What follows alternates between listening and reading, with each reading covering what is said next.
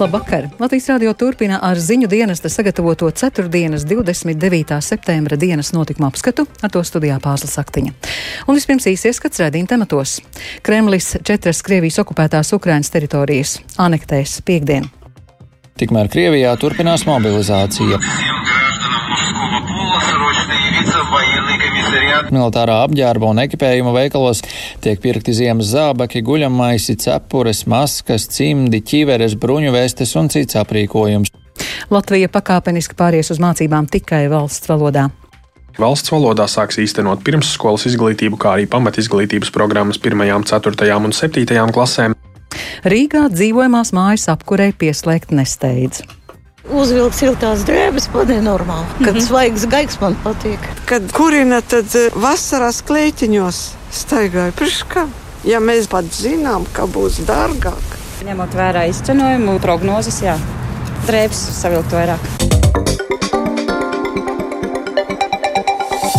Krievija piekdienas ceremonijā Kremlī oficiāli anektēs četrus Krievijas okupētos Ukrainas reģionus. Par to paziņoja prezidenta Vladimira Putina pārstāvis Dmitrijs Peskovs. Turpinoties mobilizācijai Krievijā, tīmekļa izdevums Medūza ziņo, ka pēc tās izsludināšanas dažos militārā apģērba un ekipējuma veikalos pieaugusi apmeklētāju plūsma, pastiprināti izpērk arī simkartes un spiedpogu tālruņus. Arvien biežāk tiek saņemtas ziņas, ka pirmie nesen mobilizētie Krievu karavīri jau atrodas Ukrainā, frontes pirmajās līnijās, tostarp ciešot arī pirmos zaudējumus. Un plašāk par visu stāsta Rihards Plūme.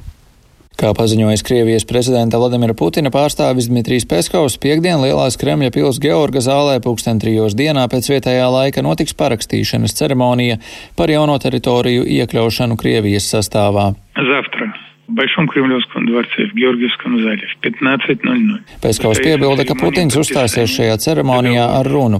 Pirms ceremonijas ceturtdien Maskavā ieradās arī okupēto Ukrainas apgabalu vietvalži. Visas rietumvalstis jau paziņojušas, ka negrasās jebkādā veidā atzīt šos pseido referendumus. Par to neatzīšanu paziņoja pat tāda Krievijai tradicionāli draudzīga valsts kā Sērbija. Tikmēr Krievijā turpinās mobilizācija.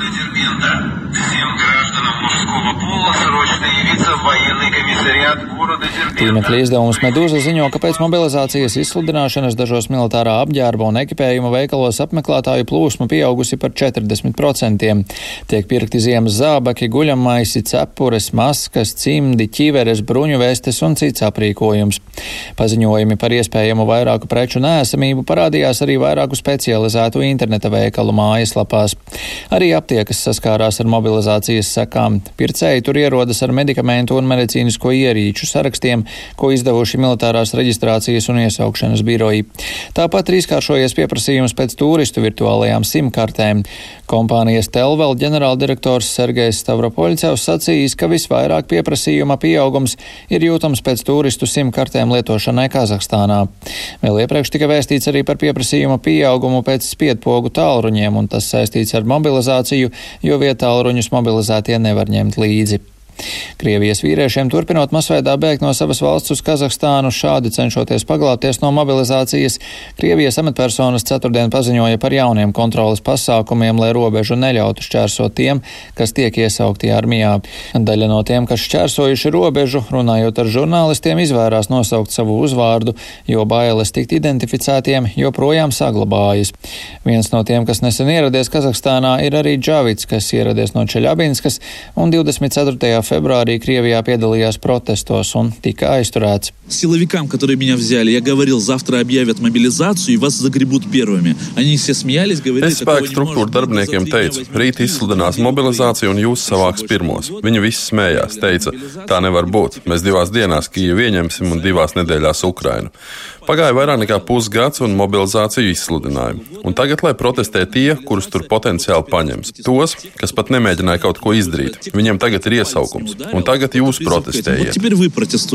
Lai gan tika solīts, ka mobilizētos apmācīs vismaz vairākas nedēļas, arvien biežāk tiek saņemtas ziņas, ka pirmie nesen mobilizētie Krievu karavīri jau atrodas Ukrainā, frontes pirmajās līnijās, tostarp ciešot arī pirmos zaudējumus.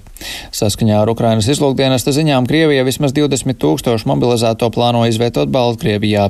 Mobilizēto izmitināšanai tiks izmantotas gan Baltkrievijas armijas kazarmas, gan civilās būves. Savukārt Ukrainas armijas ģenerālštāvs paziņoja, ka 2000 mobilizētie pēdējo dienu laikā pārvietoti no Krīmas uz Hersonas apgabalu. Rihards Plūme, Latvijas radio. Gāzes vadu sistēmā Nord Stream Baltijas jūrā konstatēta vēl viena noplūde, tā ziņo Zviedrijas krasta apsardze. Līdz ar to divas noplūdes ir Zviedrijas pusē un divas Dānijas pusē. Zviedrijas krasta apsardze skaidro, ka par ceturto noplūdi jau bija zināms kopš otrdienas, taču šobrīd nevar sniegt paskaidrojums, kāpēc par to iepriekš neziņoja. Turpina Rihards Plūme. Dānijas varas iestādes iepriekš kopumā konstatējušas trīs noplūdes, kas radušās Dānijas un Zviedrijas ekskluzīvajās ekonomiskajās zonās. Kā norāda Eiropas Savienība un NATO, noplūdes visticamāk izraisījusi tīša sabotāža. NATO ceturtdien paziņoja, ka visa pašlaik pieejamā informācija liecina, ka tas ir apzinātu, neapdomīgu un bezatbildīgu sabotāžas aktu rezultāts. Alianse norādīja, ka jebkurš apzināts uzbrukums sabiedroto kritiskajai infrastruktūrai tiks uztverts ar vienotu un apņēmību apņēmīgu atbildi. Ir aizdomas, ka noplūdes tīši izraisījusi Krievija. Kremlis šādas aizdomas noraidījis un ceturtdien paziņoja, ka noplūdē iespējams esot vainojama kāda ārvalsts. Sagaidāms, ka situācija piekdienas sanāksmē tiks apspriesta ANO drošības padomē. Augstās gāzes un elektrības izmaksas rada tiešas draudus tūkstošiem Eiropas Savienības uzņēmumu, un Briselē jārīkojas ātri, lai mīkstinātu triecienu. Tā Eiropas komisijas prezidentei Urzulai Fonderlejenai adresētā vēstulē norāda Eiropas biznesa konfederācija. Pēc konfederācijas domām pašreizējais augsto gāzes un elektroenerģijas cenu stāvoklis ir saistīts ar nenovēršamu ražošanas zudumu un tūkstošiem Eiropas uzņēmumu darbības pārtraukšanas risku. Steidzama Eiropas Savienības līmeņa risinājuma atrašana konfederācijas ieskatā ir izdzīvošanas jautājums, un turpina Rihards Plūme.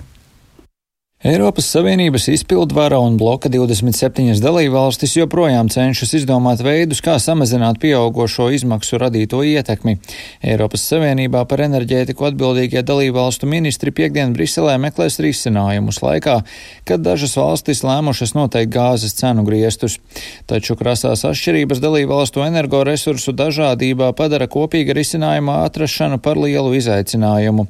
Eiropas biznesa konfederācijas ieskatā pastāv reāli reālas briesmas, ka uzņēmumi, jo īpaši energoietilpīgās nozarēs, pārcelsies ārpus Eiropas pastāvīgi, ja risinājums netiks atrasts.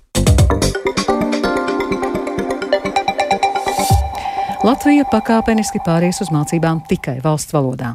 Sājuma atbalstīs izmaiņas likumā. Jautājums gan izraisīja plašas diskusijas, un lēmums nebūtu nebija vienbalsīgs. Un vairāk par šodienas vēsturisko balsojumu Kristapa Feldmaņa ierakstā. Lūdzu, zvanu balsosim par likuma projektu grozījumu izglītības likumā trešajā galīgajā lasījumā. Par 63 Ar 63 balsīm par, 16 pret un vienam deputātam atturoties, Saima šodien lēmusi par grozījumiem izglītības likumā, un līdzīgi rezultāti arī balsojumā par grozījumiem vispārējās izglītības likumā. Tas faktiski nozīmē pārēju uz mācībām tikai latviešu valodā no 2025. gada. Pirms noslēguma balsojuma deputātus uzrunāja arī izglītības un zinātnes ministra Anita Mužniec no konservatīvajiem. Šis ir īsts brīdis, pirms mēs beidzot spērsim šo tik ļoti vajadzīgo, tik ilgi gaidīto, tik tik daudzus gadus apspriesto soli skolu atkrieviskošanai un latviešu valodas kā vienīgās valsts valodas pozīcijas stiprināšanai. Taču pati lēmuma pieņemšana nenotika diezko raiti. Izglītības likuma grozījumiem tika iesniegti 23 priekšlikumi, no tiem liela daļa opozīcijas partijas saskaņa iesniegti, un te jau par katru notika arī debates.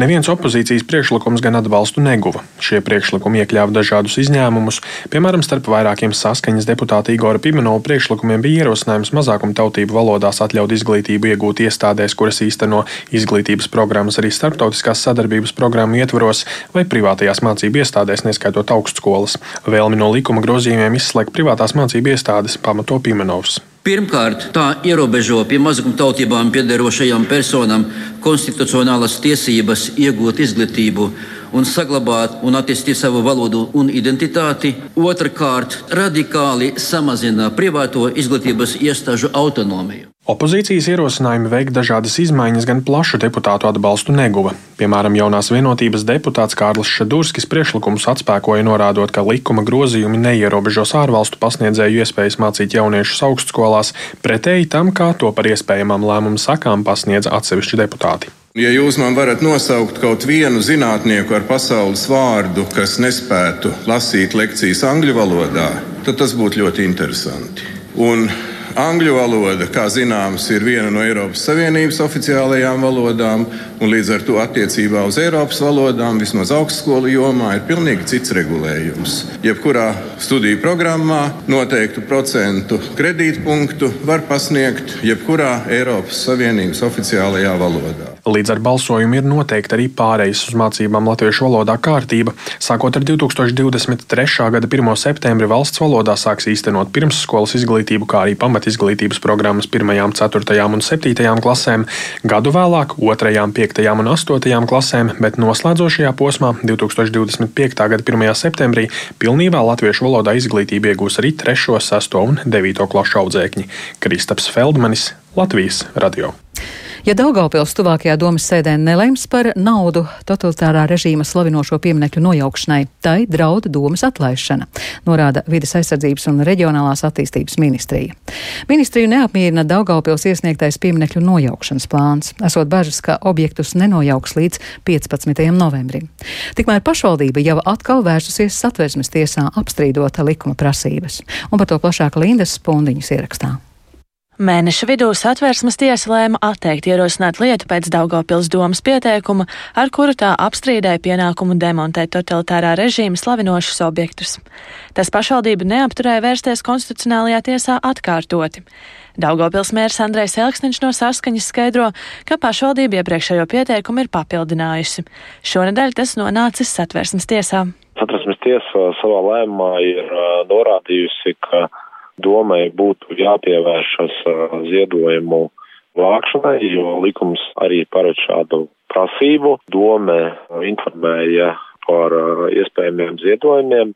Ziedojuma apmērs dotu brīdi sastāda mazliet vairāk par 660 eiro, bet tas nav pietiekams, un šajā sakarā dome, izpildot satversmes tiesas lēmumā norādīto, šo trūkumu ir novērsusi, informāciju papildus pievienojusi un atkārtoti iesniedza būtības jau iepriekš sagatavotu pieteikumu satversmes tiesā. Ziedojuma apmēri ir dažādi - no 1 centa līdz 100 eiro. Ziedotāju skaits mērāms desmitos, norāda Elksniņš. Mēri ieskatā ir pārkāpta satvērsme, jo uzdodot nojaukt pieminekļus, likumdevējs nav paredzējis tam finansējumu. Kā arī Daugavpils norāda, ka pašvaldība jau pirms 30 gadiem ir atbrīvojusies no padomu ideoloģijas slavinošiem pieminekļiem. Pašvaldībā uz doto brīdi pieminekļu, kuri slavinātu padomu režīmu, nav. Daugopils vēlāk nekā citas pašvaldības iesniedza veicamo darbu grafiku, saskaņā ar kuru divi pieminekļi jānojauc līdz 15. novembrim. Jāatgādina, ka Daugavpils mājas darbu izpildīja pēc pašvaldības ministra Artūra Toma pleša no attīstībai par skubinājumu. Ja grafiks nebūs laikā, domi var atlaist. Nedēļas sākumā pašvaldība rīcības plānu ir mainījusi. Kā stāsta ministrijas valsts sekretāra vietniece Ilza Oša, veiktas korekcijas pēc ministrijas lūguma. Iepazīstoties ar to, ministrijai jau atkal rodas bažas, ka Daugopils nespēs pildīt likumā noteiktās prasības. Izskatās, ka pēc šī grafika paziņojumi par šo būvniecības procesu plānots ir ievietot sistēmā līdz 10. novembrim, un ir vēl plānota paziņojuma izskatīšana līdz 15. novembrim, un arī būvdarbu veikšana līdz 15. novembrim. Tā kā mēs saprotam, ka šis sagatavotais plāns nu, neatbilst uh, un nerada pārliecību, ka pašvaldība patiešām kaut ko izdarīs likumā paredzētajā termiņā. Ministrijai ir divas būtiskas iebildes. Pirmkārt, viens no pieminekļiem nav inženierbūve, līdz ar to tā demontāžai nevajag ievietot paziņojumu nepieciešamajā sistēmā, kas nozīmē, ka pieminekli var nojaukt agrāk nekā domi paredz plānā. Un otrkārt, ministrija lūdz domi tuvākajā sēdē lem par budžetu objektu nojaukšanai. Nevis oktobra beigās, kā tas plānots. Turpinoša. Ja šis netiks izpildīts, tad ministrs patur tiesības eh, sasaukt ārkārtas sēdi ar šo dienas kārtības jautājumu. Tās ir trīs dienas. Ja ārkārtas sēdē arī netiek šis jautājums izlemts, nu tad mēs saprotam, ka tie riski ir gan augsti un pašvaldība šo pienākumu nepilda. Ja Daugopils pienākumu nepildīs, ministrs rosinās atlaist domi. Elksniņš norāda, ka provizoriski pieminekļu nojaukšana varētu izmaksāt 350 tūkstošus eiro, pašvaldībai tas esot nepanesams sloks. Linda Spundiņa, Latvijas radio. Citus gadus Rīgā septembrī daudz vairāk mājām ir pieslēgta apkure, taču šajā rudenī galvaspilsētas daudzstāvu māju iedzīvotāji ir gatavi saģērbties siltāk, bet apkuri pieslēgt nesteidz. Par apkuras pieslēgšanu Rīgā interesēsies Linda Zalāne, viņas ieraksts. Kopā šodien ir pieslēgušies 537 objekti. Tas ir 6,5%. Šiem objektiem siltumu piegādā siltumapgādes uzņēmums Rīgas siltums. Tā pārstāve Linda Rence skaidro, ka lielākā daļa no šiem objektiem ir nevis daudz dzīvokļu mājas, bet gan izglītības un ārstniecības iestādes, bet, protams, ir arī dažas dzīvojamās mājas, kurām apkure ir pieslēgta. Ja mēs salīdzinām datus ar nu, iepriekšējo periodu, tad mēs redzam, ka ir mazāk. Un tas, protams, ir saistīts ar vairākiem faktoriem. Viens ir arī ārkārtas temperatūra pietiekami silta, un ņemot vērā šobrīd potenciālos tarifus, tad, tad noteikti ir arī šis taupības elements. Un ir arī klienti, kas ir savās mājās pārnājuši un, piemēram, vienojušies par to, ka, teiksim, vedīs trīs dienas pēc kārtas plus 8 grādus, un tad viņi slēgsies klāt apkurē. Tā kā šie iemesli ir ļoti dažādi. Savukārt Rīgas namu apsaimniekotāja paspārnē ir vairāk tūkstoši daudz dzīvokļu māju, kurām ir centralizētā apkura, bet šobrīd neviena no tām ar apkuras pieslēgšanu nesteidzas. Ja citus gadus šajā periodā siltumu piegāda apmēram 10 līdz 20 namu, tad šogad nevienam. Rīsnam pārvaldnieks šobrīd vēl nav sācis pieslēgšanu centralizēto, šobrīd nav arī iesniegumu par to, ka būtu jāpieslēdz ātrāk. Rīgas namu pārvaldnieka pārstāvis Krists Leiškalns skaidro, ka joprojām Rīgā vairumam māju ir vertikālās vienas caurules apkuras sistēmas, un tajās nav iespējas regulēt apkuras temperatūru dzīvokļos. Ja mēs runājam tieši par lēmumu mazināt šogad apkurss temperatūru, tad Rīgas pārvaldnieks par šo jautājumu jau sprieda pirms mēneša, vēl pirms noteikumu pieņemšanas par to, ka jā, mēs šogad plānojam šo temperatūru mazināt. Plāns bija tieši līdzīgs, ka visdrīzāk, ņemot vērā realitāti, tie varētu būt 1-2 grādi vairumā māju. Būs atsevišķas mājas, kur šis, šis kritums var būt lielāks, tāpēc, ka ir vēsturiski mājas, kur iepriekš jau ir kopības turējušas augstāku šo te temperatūru. Tieši dēļ komforta viedokļa galvenais izaicinājums, ņemot vērā tieši šīs vecās apkurses sistēmas, ir nodrošināt vienmērīgu temperatūru. Saprotiet, ka tuvākais dzīvoklis sadalē nozīmē to, ka šī temperatūra būs gabalu vairāk, augstāka. Mhm. Savukārt šie galējie dzīvokļi vis tālākie no sadalas Šajā gadījumā varētu būt tie, pēc kuriem arī tiks šī te apkurss temperatūra regulēta. Jāteic, ka Rīgas iedzīvotāji ir bijuši kūtri, lai ko darītu lietas labā, un, piemēram, dzīvokļos pie radiatoriem uzliktu ierīci jeb alokātoru, kas uzskaita patērēto siltumu. Rīgas namu pārvaldnieks un Rīgas siltums jau kopš vasaras gan medijos, gan pašus rīkotos semināros iedzīvotājiem stāsta par iespējām ietaupīt. Interesi par to ir bijusi, bet līdz reāliem darbiem neviena Rīgas daudz dzīvokļu māja nav nonākusi. Krists Leiškalns skaidro iemeslus. Ir daudz cilvēku, kurus tas interesē, bet lēmumu par to, ka ir jāveic šī nelielā pārbūve, tad katram radiatoram jāuzliek apvats, lai varētu veikt šo regulāciju atbilstoši nepieciešamajam. Cilvēku interesi ir, nav šobrīd kopīga lēmuma. Mums jāsaprot, ka katra šī radiatora pārbūve un aprīkošana alokātora vidēji statistiski izmaksā no 150 līdz 170 eiro vienam radiatoram. Un šobrīd cilvēki acīm redzot, tomēr šo investīciju atliek. Rīgas siltuma pārstāve Linda Rence uzsver, ka klupšanas akmens ir arī kopības lēmumu pieņemšana, jo par alokātoru uzlikšanu dzīvokļos ir jāvienojas vismaz 51% nama iedzīvotāju parunājoties ar rīzniekiem, mēs dzirdam bieži arī to, ka nu, mēs te daži esam par to lietu dāgam un mums liekas, ka to visu vajag, bet nu, lai visu māju savākt un, un ļoti daudz dzīvokļu un tas ir sarežģīti un grūti. Un, nu, jā, tas ir tas, ko visbiežāk norāda. Tomēr rudens ir iestājies un pakāpeniski kļūst drēgnāks, līdz ar to oktobrī apkuri pieslēgs visiem, un pirmos rēķinus ar jauno siltuma tarifu rīdzinieki saņems novembrī. Linda Zalāne, Latvijas radio. Latvijas radio uzrunātie rīdzinieki saka, ka pagaidām nesalst un vienmēr arī var uzvilkt siltas vilnas zeķes. Savukārt par iespēju katrā dzīvoklī uzskaitīt patērēto siltumu un maksāt mazāk nesot dzirdējuši un šaubās, vai visi būtu gatavi maksāt par ierīces uzstādīšanu. Uzvilkt siltās drēbes, man ir normāli. Kad mm -hmm. svaigs gaigs man patīk. Bet būtu gatava, ka vēlāk pieslēdz siltumu? Jā. Vai esat dzirdējusi par tādu iespēju, ka lielākais vairums mājas iedzīvotāji vienojās par to, ka katrā dzīvoklī uzliek pie radiatoriem. Tikai ne mūsu mājā. Mm, nenormāli māja. Tur tādi jocīgi cilvēki dzīvo, tas rāda. Pieslēgt vajag tad, kad būs mīnus. Silti, tikai vajag mazliet eh, vilnu zeķītes uzvilkt, džemperīti, kad kurinat vasarās kleitiņos staigāju. Priekš kā? Ja mēs zinām, pat zinām, ka būs dārgāk, noteikti vajag ekonomiski dzīvot. Vēl nav jau. Rītiem piecelties ir tā, ka brāļnāk, bet, nu, Mm -hmm. Kamēr saule spīd un pa dienu uzsilst, tad ir ok. Mhm. 21 grāds es neuzskatu, ka vajag uzsākt. Mm -hmm. Vai esat dzirdējusi par iespēju, ka katram dzīvoklim pie radiatoriem var uh, uzlikt šo alokātoru? Kur skaitīs patēriņu? Jā. Nu, jā, es būtu ar mieru. Bet nu, tur tāds triks, ka ir jāsavāc 51% mājas nu, iedzīvotāji. Nu, jā. es domāju, ka iedzīvotāji, nē, nē, es domāju, ka mēs nesavāksim. Cilvēki nebūs gatavi maksāt par to uzstādīšanu. Vēl nav augsti, un uh, māja ir no jauna projekta. Ir silti. Varam regulēt siltumu. Ja kaut kur brauksim, tad varam samazināt, un līdz ar to rēķini būs mazāki. Pirms tam dzīvoja viendzīvokļu dzīvokļi, nu, parastā. Un, kad es pārcēlos šajā divu istabu dzīvoklī, rēķini ir tādi pati par siltumu. Kā reiz ir regulējumi radiatori saviem skaitītājiem. Līdz ar to mēs paši nosakām savu patēriņu. Vienreiz pamēģināju noslēgt, apaugstēju, jo zālēs iztērēju vairāk nekā siltumā. Pa daudz noslēdzāt? Mm, veselība pret siltumu. Ja.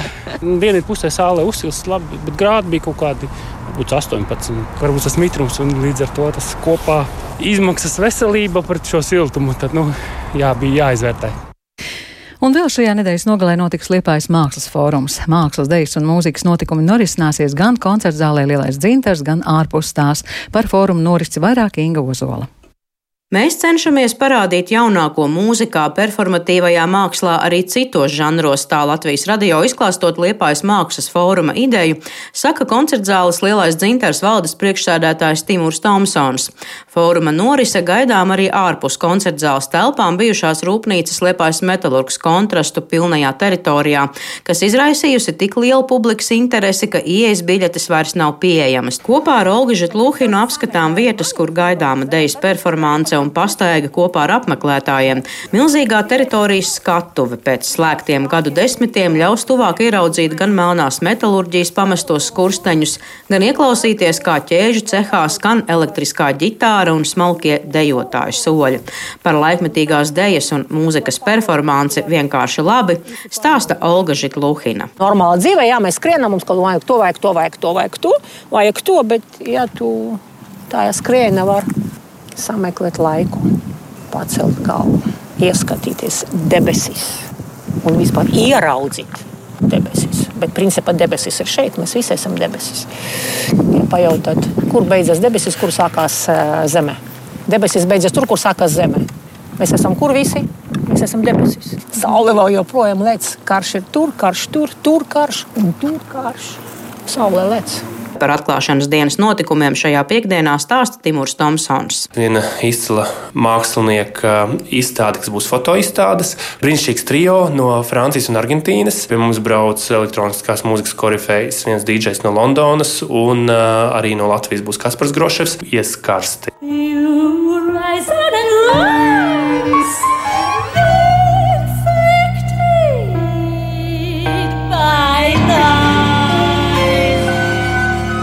Liepājas mākslas fóruma noslēgumā valsts kamera orķestra Simfoneta Rīga un poļu soprāna Joannas Frešelas izpildījumā skanējas itāļu komponista Fausto Romitelli futūristu manierē radītā video opera. Tas ir mežonīgs, abstrakts stāstījums, kuram nepiemīt operas izsmalcinātība, tas iegremdē klausītāju skaņas un gaismas transā. Autors to radījis īsi pirms savas nāves. Diriģents Normunds Šnē raksturo šo neparasto skaņdarbu. Es esmu diezgan skeptisks skeptisks pret tādu izrādi, kur vienlaicīgi spēcīgi satiekās video, mūzika, varbūt pat vēl kaut kas, bet šis ir izņēmums. Kā to uztvers klausītājs, jau būs katra paša iztēles un dzīves pieredzes jautājums. Ingo Zola, Latvijas radio Kurzemē. Un ar to izskan dienas notikuma apskats. Producents Viktors Pupiks ierakstus montēja Kaspars Groskops par labskaņu rūpējās Iveta Zvejniece, ar jums runāja pārslas saktiņa un īsti par svarīgāko. Kremlis četras Krievijas okupētās Ukrainas teritorijas anektēs piekdien. Latvija pakāpeniski pāries uz mācībām tikai valsts valodā.